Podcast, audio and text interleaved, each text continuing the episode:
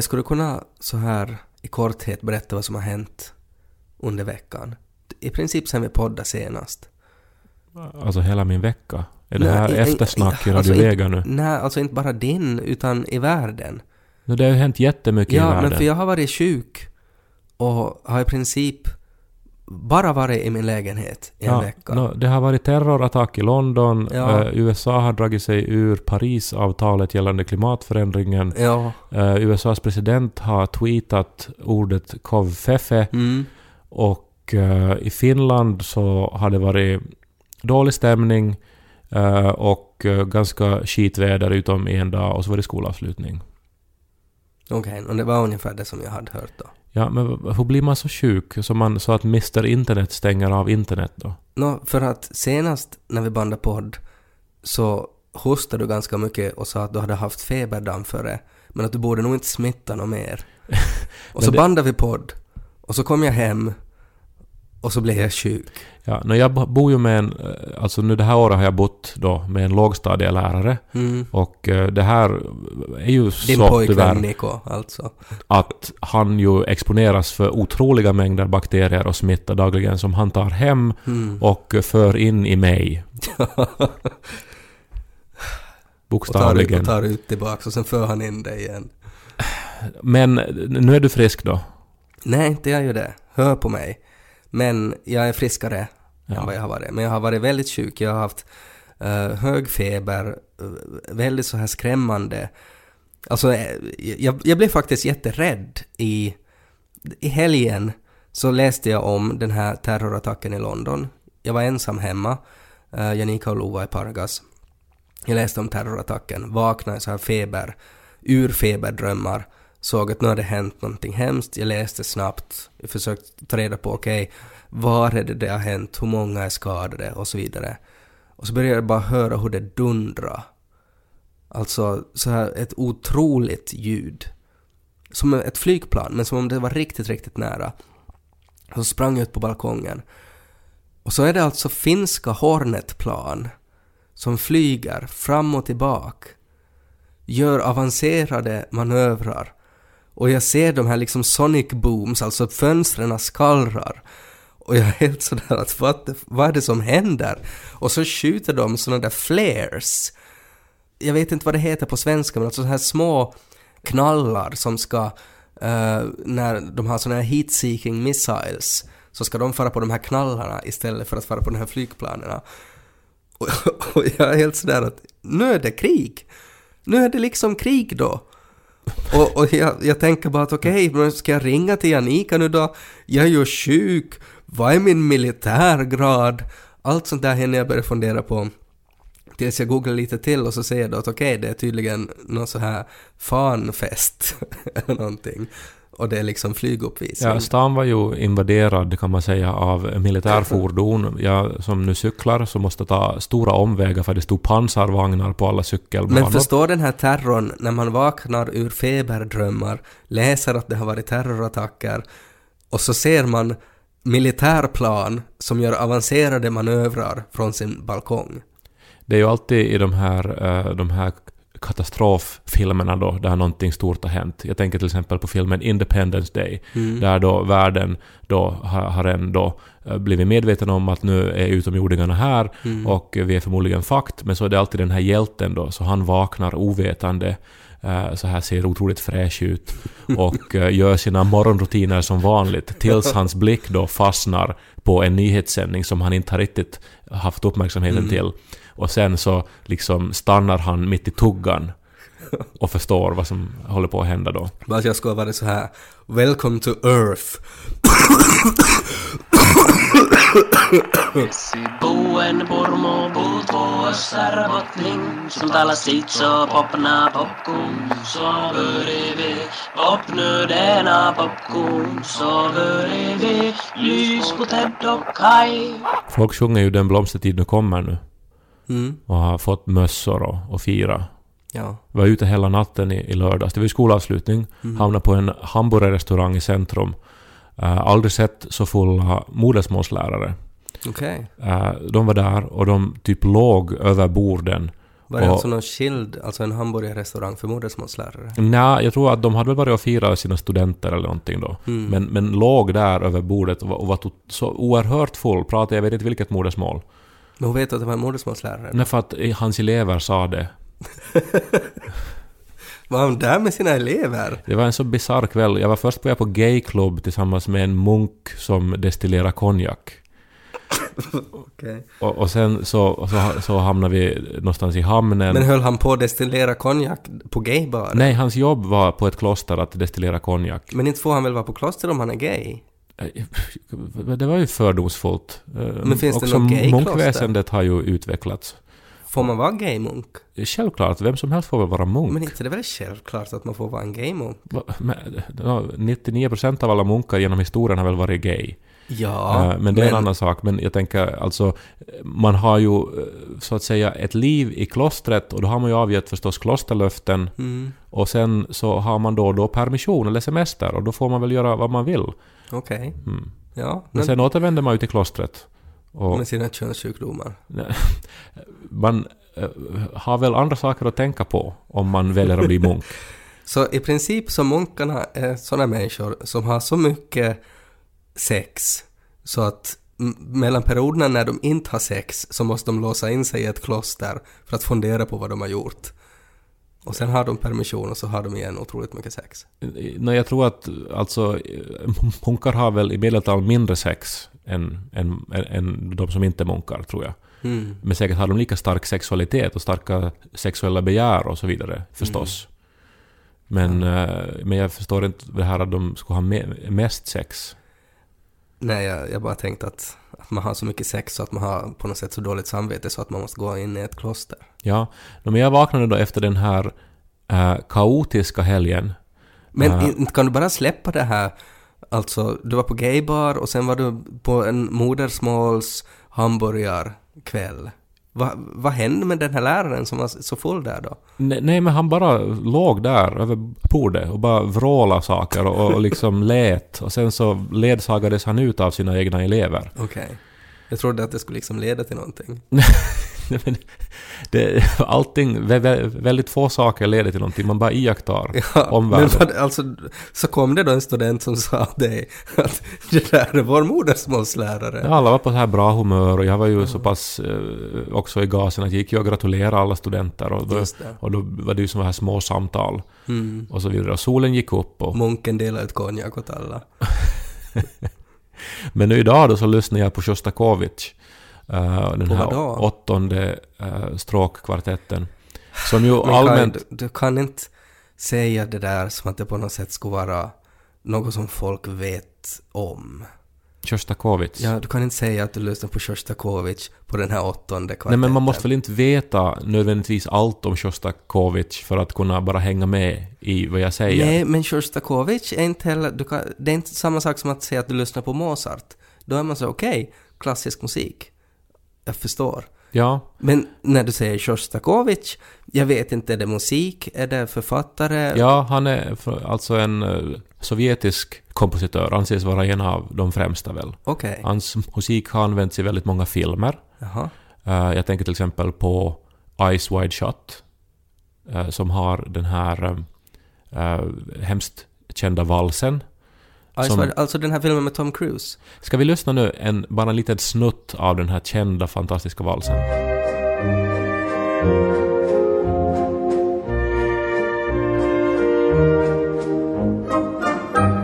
Ja, det där är Sjostakovitj. Det var väl i den här filmen som den där munken var med i, tror jag. Men eh, han har skrivit väldigt så här emotionell musik. Och, och liksom som verkligen... Finns det någon annan musik, Kai Korkeaho? Men väldigt så här, alltså ganska extrema känslor. Jag har ju tidigare, tidigare pratat om hur jag vältrar mig i världssorg ibland. Ja. Och att jag kan ha såna här tider då när jag tar fram riktigt sorgliga stycken och lyssnar. Och jag tror jag har nämnt låtar såsom My Body Is A Cage av Arcade Fire. Ja. Ännu ett bra tips till alla er andra som vill vältra sig i världssorg. En annan, e- ett annat förslag är ju då Sjostakovitj eh, och bland annat hans eh, åttonde eh, det här stråkkvartett. Det här som du alltså satt och lyssnade på när jag kom hit idag. Ja, Jag hade ingen aning om att du satt och vältrade i världssorg. Nej, jag var väldigt melankolisk. Ja. Titta ut och det regnar över Töluviken. Vi befinner oss nu alltså i mitt arbetsrum i centrum av Helsingfors. Alltså ibland är det svårt att se om du är det när du har en röd lippis på dig. Den röda lippisen betyder ju fara, håll dig undan. Jag har en blå lippis som jag har när allt är okej. Ja, du måste uppdatera powerpointen. Ja. Jag kom att tänka förresten när det handlar om lippis att eh, vilken ångest jag hade under hela min barndom för att jag använde lippis. Jag hörde till dem som använde lippis, men jag hörde också till dem som aldrig hade skärmen rätt böjd. Och det var väldigt noga det här, hur man skulle böja skärmen. Ja, det ändrar ju också ibland. Ja, och det var ju alltid då eh, den som var bäst på fotboll som hade, hade svaret. Ja, Eh, jag vet men, inte riktigt varifrån de fick det, för det inte fanns det ju internet på den tiden. Nej, men de umgicks väl med andra fotbollspojkar Jo, men från olika hade de- skolor. Alltså hade de på riktigt ett möte då att varje skola skickade sin bästa fotbollspojke till omklädningsrum och så där så hade de då en liten förening med ordföranden och sekreterare och olika paragrafer där en paragraf då var hur vi böjer lippisen. Jag tror det var, alltså de var ju också ofta assholes allihopa. Ja. Så att, alltså De delade med sig sina mobbningstricks och... Ja, och inte vet jag då. Jag menar, jag var ju med i frivilliga brandkåren, jag, var, jag, jag spelade piano och så här, men jag, jag antar ju att en del var liksom, alltså gick på sådana här asshole-möten då, Mm. som kanske kallas för fotbollsträningar. Och så lärde man sig sådana här asshole-knep då. Ja. Som att man ska böja lippisen på ett visst sätt, Mm. allt annat är fel. Ibland skulle det vara så här kurvat och ibland så skulle det vara en så här 90 graders vinkel på den och ibland så skulle den vara helt platt. Ja, och det som också var överjävligt var att alla lippisar inte gick att böja. Nej. att jag hade ju då fel lippis då. Jag hade så här Mm. IK Falken lippis, vilket säkert eh, idag skulle vara, alltså den skulle vara det, det, det hetaste heta om jag skulle Jo. ha den på Flow-festivalen till Så exempel. Eh, Men då var det ju väldigt töntigt för man skulle ju ha någonting med något speciellt sportmärke eller någonting. Mm. Ja. Och eh, den här IK Falken-lippisen så var ju säkert tryckt då på, på Paino Tuotanto i eh, Östermyra. Mm. Och eh, där hade de ju kanske då inte den här, den här rätta lippisen, Nej. alltså skärmen, Nej. som de här häftiga NHL-assholen hade. Men man försökte ju böja dem ändå. En annan asshole-grej var ju det här när man skulle ha jumpa. Och så sk- skulle man ha med sig jumpapåse. Mm. Och, och så skulle man ha med sig ombyteskläder. Och så var det viktigt vilken påse det var. Ja, vilken plastpåse man hade. För jag hade ju inte en tygkasse, för jag var inte en sån här som annars så ofta hade med mig Nej, ombyteskläder. inte heller. Eh, Men om man tog en fel plastpåse så, Mm. så skrattade tjejerna åt en. Men se, då- var det bara att inte bry sig. Jag hade nog min Tori på sig, ja. Hela högstadiet. Jag tror inte att du hade, jag tror också att du undermedvetet var medveten om det här. Nej men det där, det där brydde jag mig faktiskt inte om. För jag var liksom... Vissa saker. Jag var, jag var väldigt medveten om mycket i högstadiet och det, det gjorde att det var jätte, jättejobbigt. Men vissa saker så kunde jag faktiskt redan då skita i. Eh, och det där var en sån sak. Att, att till och med jag som 15-åring kunde inse att okej, men det här, det här är så löjligt så att det här kan jag inte liksom ta Men hade du någon flickvän då?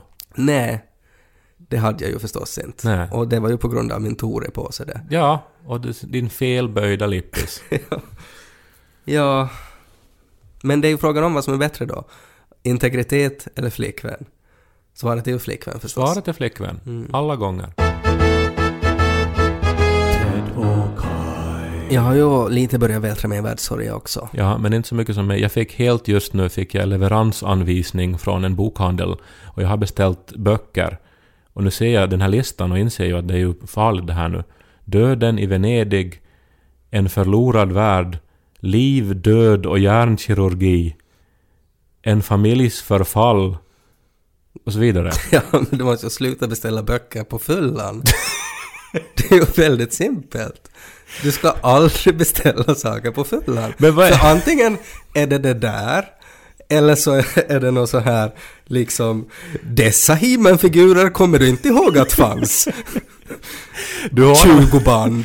du hånar mig också för att jag då hade, eh, alltså mot mitt bättre vetande, posta en bild på sociala medier Mm. från den här natten då när allt det här hände med den här läraren och den här Ja, munken och... det är, alltså, den bild av dig tror jag som existerar på internet där du är mest full. Nej, du ska inte säga så. Ja, för man, att, man ser... för att alltså, jag har ett sorts alkolås på mig själv. Att jag går, att jag har k- komma överens. Inte ens på sociala medier om man är Nej, full. nej. Men nu var det så bra filis och så fint väder. Ja. Och så var vi också några med som kunde liksom titta på pilden före och sa att den var bra. Hade de handen på ena ögat medan de tittade på den?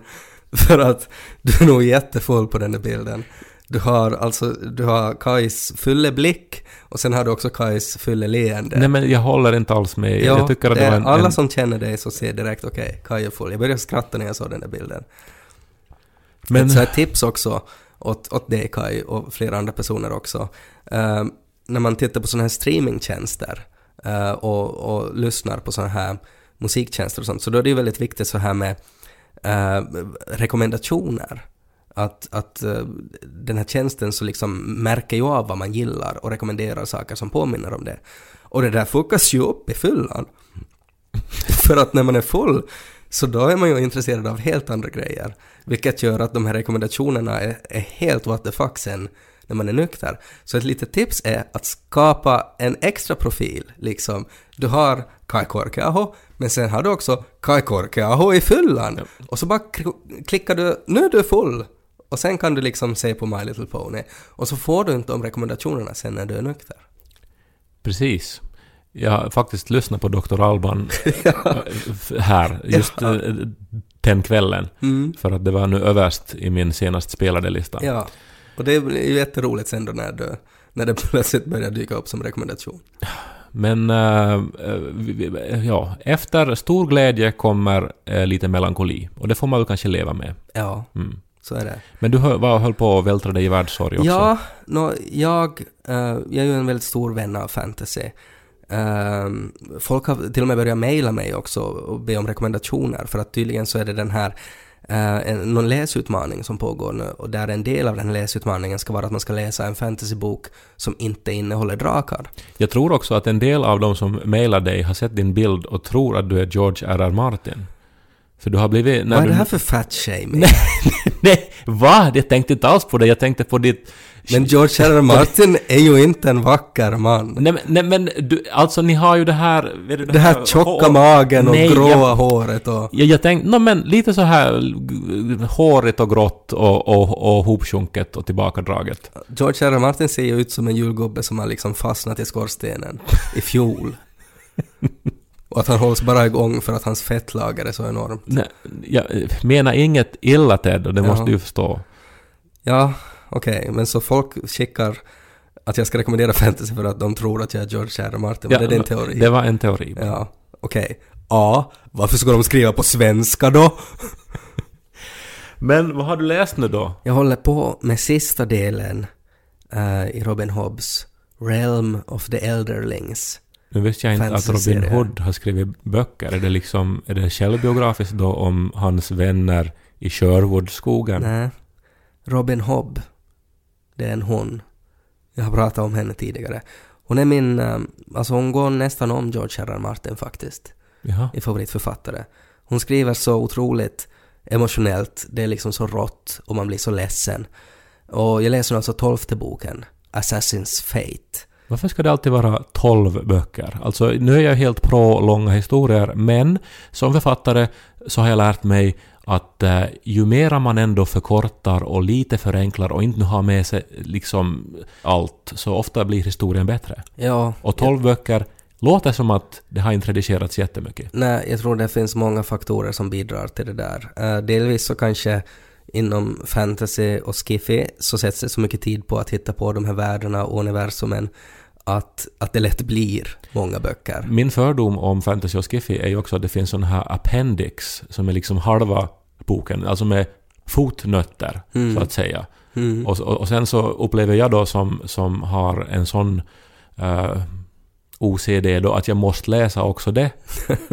Fast det kanske är så att man bara ska läsa om man är intresserad. Ja. Men att jag, för att det är ju en del av boken, alltså måste jag läsa hela appendixet då om Mm. Påhittade klaner och deras historia. ja, och det blir du arg av. Ja, det är mycket Ja. jag blir arg av med fantasy. Ja, det vet jag. Uh, nej men det, ehm, och sen så tror jag också att överlag så är ju att folk som läser fantasy är ganska vana läsare. Så att de också förväntar sig att det ska vara många och långa böcker. Det behöver inte vara såna här korta bladvändare för att fantasy-konsumenterna så köper de ändå. Och sen överlag är det ju en trend i världen att man ska inte titta på något nytt, man ska fortsätta göra samma sak om och om igen. Det var ju Stephen King som skulle retire för 20 år sedan. Mm. För att han då eh, hade redan använt upp så, alltså, så mycket skog hade fällts för att göra papper till hans böcker. Mm. Eh, och, det tyckte jag var en ganska så här ändå fin... Har han sagt det? Ja, han sa det. Det var hans officiella statement då när han Okej. skulle gå i pension. Men sen har han ju skrivit 100 böcker sen Ja. efter det. Ja, så han var bara full när han skrev sin officiella statement då, med andra ord. Ja, men, men du, du har läst den här... Alltså sa du... Nummer 12. Nummer 12, Assassin's Fate. Assassin's Apprentice heter första boken. För- För oss nu då som... Alltså Assassin, det är ju en sån här lönnmördare eller vad? Ja, ja. så är det. Så att Assassin's Creed, den här filmen, hör den ihop med det här? Assassin's Creed. Som nu är på bio? Ja, nej, det, det är ett, ett spel, en spelserie. Ja. Eh, det lär vara en väldigt dålig film också. Men det, ja, det är en lönnmördare, men det är inte, inte en sån lönnmördare i den här. Det är bara en jätte, jättebra bok. Om du diggar vuxen fantasy så ska du läsa det här. Men Alltså, så det förbered är mycket sex och, och mord. Ja, det är väl det. Men på ett helt annat sätt än George R. R. Martin. George, eh, han är så mycket mer brutal. Robin, så hon är, hon är liksom, hon är också brutal, men hon är sådär på ett kvinnligt sätt. George, han skulle kunna ta liksom en yxa och, och liksom hugga dig i hjärtat. Så Robin, hon skulle bara kunna se på dig och så skulle hon bara liksom läsa upp dina mörkaste hemligheter framför hela skolan. Så att du själv skulle liksom hugga dig i hjärtat. Eh, det är liksom den skillnaden. Det här liksom manliga sättet och det här kvinnliga sättet att förstöra någon på. Det är intressant där. Ja, och jättebra när man vill vältra sig i världssorg. Um, ehm, men det som är så svårt med den här boken är att jag vill ju hela tiden veta vad som händer. Att, att jag vill hela tiden läsa den här boken. Jag vill inte göra någonting. Jag vill inte göra den här podden. Jag vill få hem och läsa. För att förra boken slutar i en enorm cliffhanger. Och jag vill bara veta vad som kommer att hända. Alltså det var någonting då, för det är fantasy nu då, så det var liksom prinsessans smycken var stulna Ja, och eh, så kom det en trollkarl Ja. som sa att han har en sån här formel som kan avslöja var smyckena men finns. Kai, varför sa du inte att du har läst den här boken? Nej, men, och, och nu har du då väntat ett år på att få veta om hon får tillbaka sina smycken. Ja. Mm. Exakt så. Eh, men det, problemet är ju när man har hållit på med någonting så där länge, så jag, jag är ju väldigt bekant med de här karaktärerna. Eh, de, är ju mina, drakarna. de är ju mina goda vänner. Och det tar ju slut. Alltså det här är sista boken. Och den här ångesten när jag vet att när den här boken är slut, så då, då, då liksom, då, då vet jag inte mer vad som händer med de här människorna. Men de fortsätter väl att trolla och, och Men samtidigt så vill jag ju veta vad som... Alltså, förstår du? Den här att jag vill bara bläddra vidare, men jag vill inte bläddra vidare. Ja. Vad, är det, vad, har, vad, vad heter den ångesten? No, men alltså man är ju... Det är ju separationsångest. Är så det det? enkelt är det. Du har, du har investerat mycket tid i dessa människors livsöden. Och Ja. nu snart så kommer ni inte att ses igen. Men det är ju jag som står där och, och liksom, ju mer jag ser dem så desto snabbare får de bort. Mm, men då kan du göra som Annie Wilkes och kidnappa Robin Hobb och binda fast henne i en säng och tvinga henne att skriva en ny bok. Om inte hon gör det så hugger du benet av henne. Ganska bra idé faktiskt.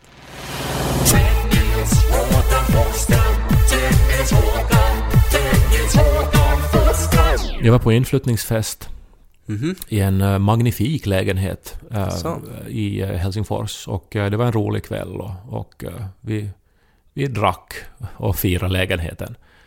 Jag, jag hade ju med mig, vet du vad man ska ha med sig till en inflyttningsfest? Salt och bröd. Ja! Jag hade med mig, jag hade varit och köpt ett jättefint knäckebröd. Så här runt. Hur, hur bestämmer man när ett knäck... hur- Liksom, går du till en bagare och säger att jag ska ha det finaste knäckebrödet de har? Och så säger han att jag kan inte ge dig mitt finaste knäckebröd. Men mitt näst finaste? Ja. Nej, jag gick bara till en vanlig affär. Jaha. Men alltså det var ett sånt här exklusivt, lite dyrare och så i en jättefin förpackning. Var det lyxig knäck? Nej, Nå, det var ju lyxig knäck, men det stod inte på det. Det var någon sån här... För att det skulle vara rustikt, den där knäckebröd. Alltså, om man, Artes, rustikt artesanbröd. ja, men det där är intressant, för att om, alltså, ofta om det ska vara så här exklusivt, eh, så, så då är det någonting tillsatt, men när det handlar om bröd och knäckebröd så då skulle det ju vara minimalistiskt, då är det exklusivt. Men det är inte en intressant skillnad. Ja. Men jag måste bara säga att jag var till en... Och, och då gick det för långt med Helsingfors. Eh, när jag for då till en sån här nyöppnad bageri slash eh, eh, restaurang. Mm. eh, helt nära där jag bor. Startat av en kändiskock. Mm. Och eh, de har då... eh, Så de gör surdegsbröd. Ja. Ja, tänkte nu ska jag få köpa ett gott bröd. ja, men det är väl inte att gå för långt? Ja, för att brödet var numrerat. Vadå numrerat? Ja, det, det var alltså alla bröd de har sålt har de numrerat. Ja. Så att jag fick nummer 683. Så om det på något sätt skulle finnas ett samlarvärde, det man äter ju upp det. Nej men då går det för långt, det är bröd. Det, Ja. är in, det är inte konst på det sättet. Nej, det, det där är inte... Det, det som har gått för långt, så det var när jag såg att man i Helsingfors också nu kan cykla sin egen smoothie. Då har man gått för långt. Att de bygger ihop... det finns...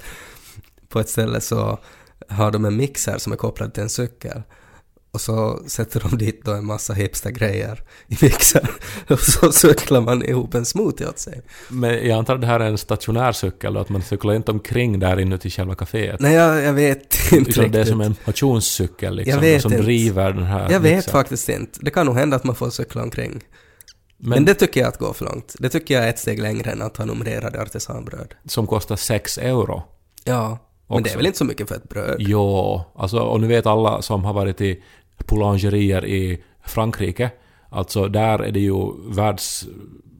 Alltså där köper man ju världens bästa bröd. Och det är också jättebilligt. Det är alltså en euro 50 cent och så Ja, men det är ju för att bästa bröd. fransmännen sätter ju liksom fyra batonger under armarna liksom när de går till jobbet. Ja, för det är så jävla gott och så jävla billigt. Men inte skulle man ju ha liksom sex gånger 6 euro, 36 euro Nej, men i du numrerat bröd. ens ett lite färskt bröd i en vanlig butik här i Finland så de kostar åtminstone 4,50.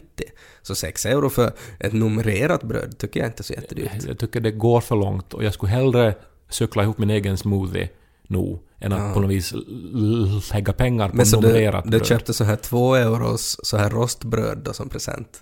Nej, jag hade ju det här exklusiva knäckebrödet Just det. och sen ett exklusivt salt från Frankrike som bara eh, liksom produceras eh, på ett enda ställe för det är alltså från en uttorkad sjö där kristallerna ser ut som blommor.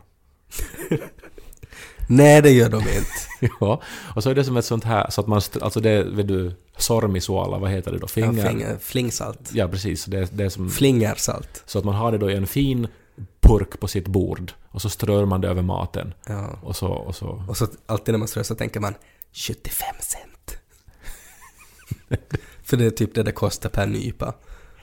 Men jag tycker det är en så fin tradition och jag saknar mera sånt i mitt liv. Att man får salt och bröd. Ja men alltså vet du att, att, att det finns tydliga regler som också är lite roliga när ja, man men ska det är ju göra bara att någonting. du far till något bibliotek och läser någon så här folkloristisk manual om självhushållning eller någonting och så står det allt sånt där som man ska göra. Ja, men då är det ju, så- alltså största delen är ju sån här vet du, som har att göra med, alltså innan vetenskapen, vet du, att, att om man stöter på eh, någon som, som stammar så har den en ond ande och så ska man slå den med rutten fisk i Mm. Fullmånens sken. Vi vet ju också att varför du tycker om det där är ju att du kan komma dit till den här festen och ställa just den här frågan som du ställer åt mig. Vet du vad man ska ge?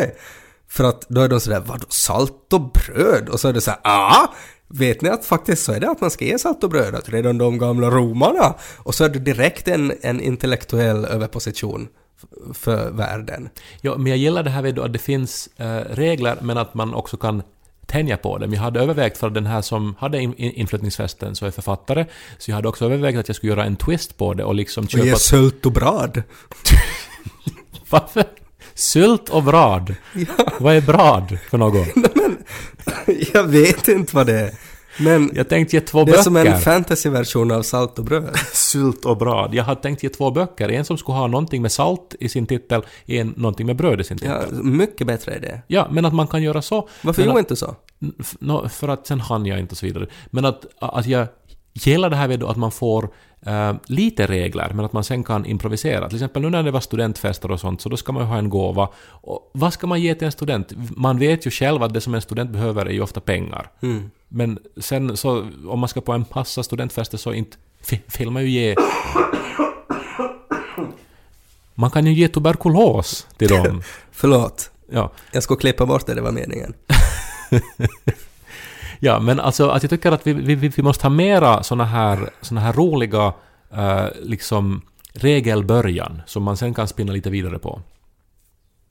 Nå, kanske att man ska typ forma pengar till rosor. Så man viker en 100 eurosedel till Det är en flera, ros. man viker flera 20 Det eurosedlar till här rosor. origami då. Ja, och så får man en hel bukett med pengar. Det ska vara ganska bra. Ja.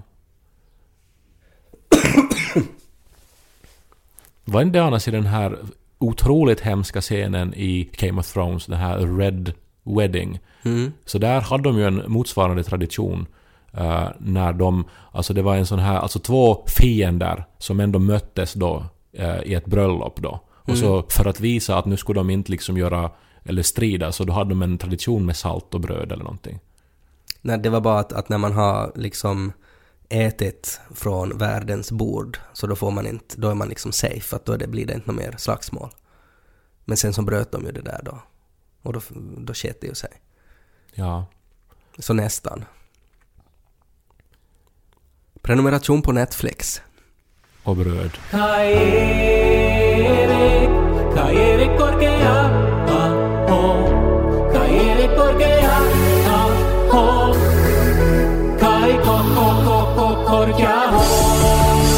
Det har varit ett ganska melankoliskt avsnitt nu. Massa så här världssorg och Sjostakovich och du har tuberkulos och kommer kanske att dö. Nej, det hoppas vi inte. Ja, det har jag inte sagt. Så, låter det ju. Du Ja. låter ju dödssjuk. Ja, du låter ja. som Edith Södergran. eh, Ja, Som, jag borde få vara konvalescent nu. Någonstans i Alperna. Men så här är det. ja. Men ska vi ändå inte försöka avsluta det här avsnittet med något eh, upplyftande? Jag Något vits, tänkt- du, du brukar ju berätta vitsar ibland. Ja, nej jag vill inte berätta vitsar. Vad är 100 meter långt och har två könshår? Hor- Antituiskus keikkakö. För att det är så unga människor som lyssnar på honom. Det kan man... Eller så att det är en massa folk som, som rakar sig där nere. Som lyssnar på honom. Man kan tolka den där vitsen hur som Jag helst. tänkte att det var liksom någon som hade blivit överkörd och liksom smetad längs med asfalten i 100 meter. Och att det var på något sätt att varför skulle det vara en vits? Varför skulle det vara roligt? Det var en vidrig fantasi. Ja. Ja. Men, eh, men har du någon bättre vits då? Nej, jag hade tänkt att vi skulle prata om den här sälen, Viljo. Alltså det var en jätte, jätte, jätte tjock säl. Alltså över 100 kilos säl. En Simon Vikare var det Ja. till och med. Ja, En norpa. ja. eh, som, som är jättetjock. Och som de också tror är gay. Och jag tycker att det är så roligt det här att de har inte liksom fått att där han gör gay-grejer med, med andra gay-sälar. Vad är för dig en gay grej då? Nå, att, att han liksom håll, håller i någons penis. Han, han har för det första inga händer. Visst har de händer? Sälar. Ja! Men är de inte så här de ligger och uh, uh, uh, och, och inte, alltså de är mera som en klump med huvud. Men nu har de ju fenor Ja, alltså men som... händer så de kan börja runka av en annan säl. Klart de kan! Vi måste ju googla här nu, alltså... No, men du kan inte börja googla Vi googlar sen, men jag, jag är ganska säker på att en Saimenvikare inte har händer kapabla att masturbera en annan sälhane. Jag tror nog att om två sälar... Om tre sälar... Vet du vad? Alltså att två sälar simmar ovanför varandra, alltså att ena är på den andra, så att de liksom använder båda två högerhanden och så sätter de liksom den riktigt nära sig och så sätter de den tredje sälens penis emellan och så simmar de liksom fram och tillbaka. Så jag tror så att det måste vara tre sälar för att kunna runka av en av dem. Om de är riktigt gay. Då har, ja. Eh, men... Om, men tänk, tänk dig själv om du själv inte skulle räckas. Och du har två kompisar som är i precis samma situation. vi, tror jag... Grejen var väl det att det var jag ute efter att ingen har filmat det här. Det var att, det jag att tänkte. enda grejen är att de har sett att den här sälen brukar sola sig på en sten tillsammans med andra karasälar. Alltså manliga sälar. Och att det här är på något sätt så sensationellt så att han måste nog vara en tjock bög. Har tidningarna skrivit om. Ja. Och det är på något sätt skojigt tycker jag. Men det finns ju sådana här platser eh, där homosexuella av tradition har träffats då för att... eh, nå, för att just det här med fenorna Simma ovanför varandra Ja. och en tredje kompis står Just mitt innan det då fanns såna här appar och saker så att man kunde hitta eh, sällskap på, Mm. på, på enklare sätt, så får man till så kallade cruisingplatser. Så att du tror att den här stenen då som Viljo solar sig på är liksom den bögigaste stenen i Simon. Möjligen är det så. ja. Alltså, för annars så skulle de väl inte ha skrivit så här öppet nu då att han är gay om de inte har starka bevis. ja, så att det där är faktiskt bevisat. Det finns också liksom för, för människor, alltså för homosexuella människor i Simon så måste man simma ut till den här stenen för att träffa någon. Och det var därför de visste att han är gay, för att han var på gay-stenen i Simon. Nej, men jag tycker bara att, vi, alltså, att det är jättefint det här. Vi behöver liksom flera eh, gay-symboler. Jag minns ju när femmarksmyntet kom 1993 eh, så hade det ju då på sin baksida en Simon-vikare. Och vad roligt det skulle vara om det skulle komma eh, liksom ett nytt mynt med en gay Simon-vikare. Hur ska de illustrera det då? Nej men det är den här då, alltså En annan Simon-vikare ovanför honom. som simmar fram och tillbaks. Och så ser man, ja, bättre än det här arkebuseringsmyntet. Jag skulle nog hellre ha tre gay-sälar som, som håller på. Som håller på och ronkar av varandra. Ja. Jag läste också om två gamar som är gay, som, alltså ett par. Eh, alltså ett gay asgamspar som, som nu då har eh, fått eh, barn för att zoo-personalen såg då att de var eh, ihop och att de ville ha barn och så gav de ett ägg till dem och nu har de ruvat det tillsammans och Tror du att, att alla djur då har fått rösta? Att ska de få, ska de få det här ägget eller inte? Och nu så har det här ägget kläckts och familjen är lycklig och de här två herremännen då, paret, hjälps åt att spy mat in i ungens käft. Ja, men det är nog fint det. Jag tycker det är vackert. Jag tycker Ja. vi, ska, vi ska ta det här med oss. Ja. Djurriket kan vara förebilder för oss Ja. människor. Spy i varandras käftar. Ja. Som på det där fotot du satt på Facebook. Nej, det fotot! Jag, jag ler på det där fotot. Jag ler och är glad. men det ser ut som att du skulle kunna spy i någons mun. Oj, kära vänner. Uh, oj, det kan vara melankoliskt också när sommaren börjar. För att eh, när det blir semester så har man en massa förväntningar samtidigt som man är trött och samtidigt som kanske allting inte var precis som man tänkt, till exempel väderleksmässigt. Lite Men- som midsommar. Världens största antiklimax. Ja. Det ska vara den bästa festen. Det är aldrig. Nå, jag har nog varit på bra midsommarfester. Ja, men... Ja. Men det här... eh, Det som vi hoppas är att ni ändå njuter av, av livet och eh, tar vara på små glädjeämnen. Till exempel kan ni lyssna på den här podden, läsa en bra bok av Jättebra Robin fantasy. Hood. Robin Hobb. Eller jag kan ju då i sin tur rekommendera Emma Klein, en roman som heter The Girls. Eller Flickorna på svenska. Som tydligen är den romanen man ska läsa just nu för att uppfattas som kultureliten. Nej, den är, det är bara en jättebra bok. Okej. Och eh, det här så kan ni ju eh, ta foton när ni har roligt, posta den på sociala medier, sprid glädjen Be någon nykter kolla dem först. och ha det bra tills nästa vecka.